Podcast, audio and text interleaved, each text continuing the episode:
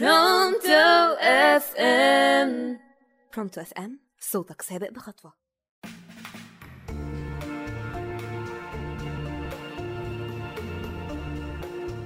السلام عليكم ورحمة الله. معاكم آلاء عبد المنعم من برنامج شمعة على راديو برونتو FM هنكمل كلامنا عن المراهقة عن الصورة المبسطة للرجوع لأصولنا الإسلامية والعربية. في التراث الإسلامي والعربي الطفولة هي أربع قطع زمنية كبيرة. القطعة الأولى طفل صبي أو فتاة وتكون من الميلاد إلى سن السابعة ثم من سن السابعة إلى سن العاشرة. سماه الفقهاء مميزا ثم من سن العاشرة إلى سن الخامسة عشرة. سمي مراهقا. وتكون هذه المرحلة هي المؤثرة في نجاح الشاب أو فشله وتكون كذلك مرتبطة بأحكام. ثم إذا بلغ خمس عشرة سنة فقد أصبح بالغا ومكلفا.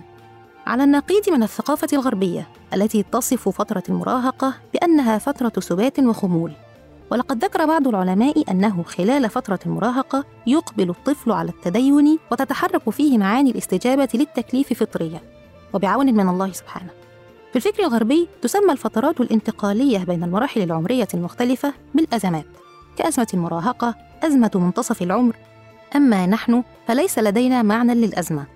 فالنصوص لا تتركك حتى تهيئك للمرحلة التالية. يخرج الطفل من مرحلة الطفولة إلى مرحلة التمييز واستعداداته في السمع والبصر والفؤاد قد نضجت ويمكنه التعلم.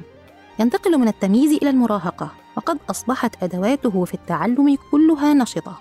تعلم كما معرفيا وسلوكيا ومهاريا كبيرا عندما يصل إلى مرحلة المراهقة فلن يصل إلى مرحلة التكليف إلا وقد درب على ما سيكون مكلفا به. من صلاة وصوم ونحو ذلك. ولا يصل إلى مرحلة المسؤولية الكاملة أي بعد سن الثامنة عشرة إلا بتهيئة وإعداد. فيتلطف به في الدخول في المسؤولية ثم تحمله المسؤولية الكبيرة. كذلك فإنه لا يخرج من سن الشباب إلى سن الكهولة أي سن الأربعين إلا وهناك السن الرسالي. وعليه فيه أن يحمل مشعلا عن أهله عن عائلته عن وطنه. ففي ثقافتنا الإسلامية المراهقة هي قطعة زمنية من قطع الطفولة فلا تسمي البالغ مراهقا أبدا. إنما هو طفل يراد منك أن تتعامل معه كما تتعامل مع الأطفال خلافا لما يرد في الفكرة التربوية المترجمة. وهذه الفترة من العاشرة إلى الخامسة عشرة هي آخر مراحل الطفولة.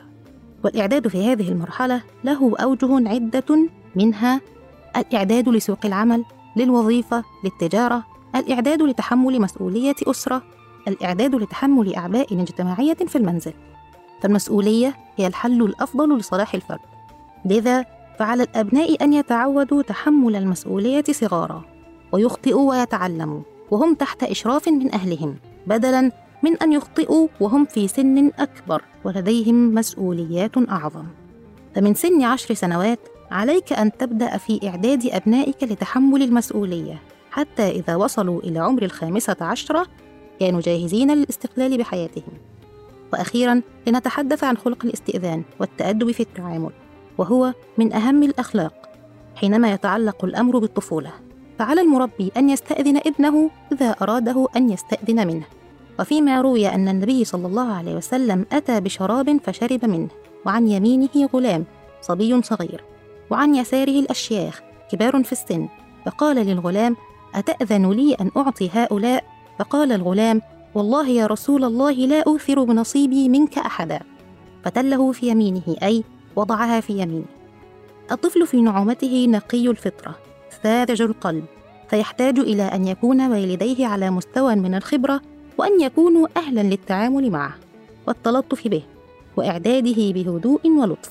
لا تتركوا أبناءكم للأجهزة الإلكترونية فيهلكوا. علموهم تحمل المسؤولية. مسؤولية أنفسهم أولا. كنت معاكم آلاء عبد المنعم.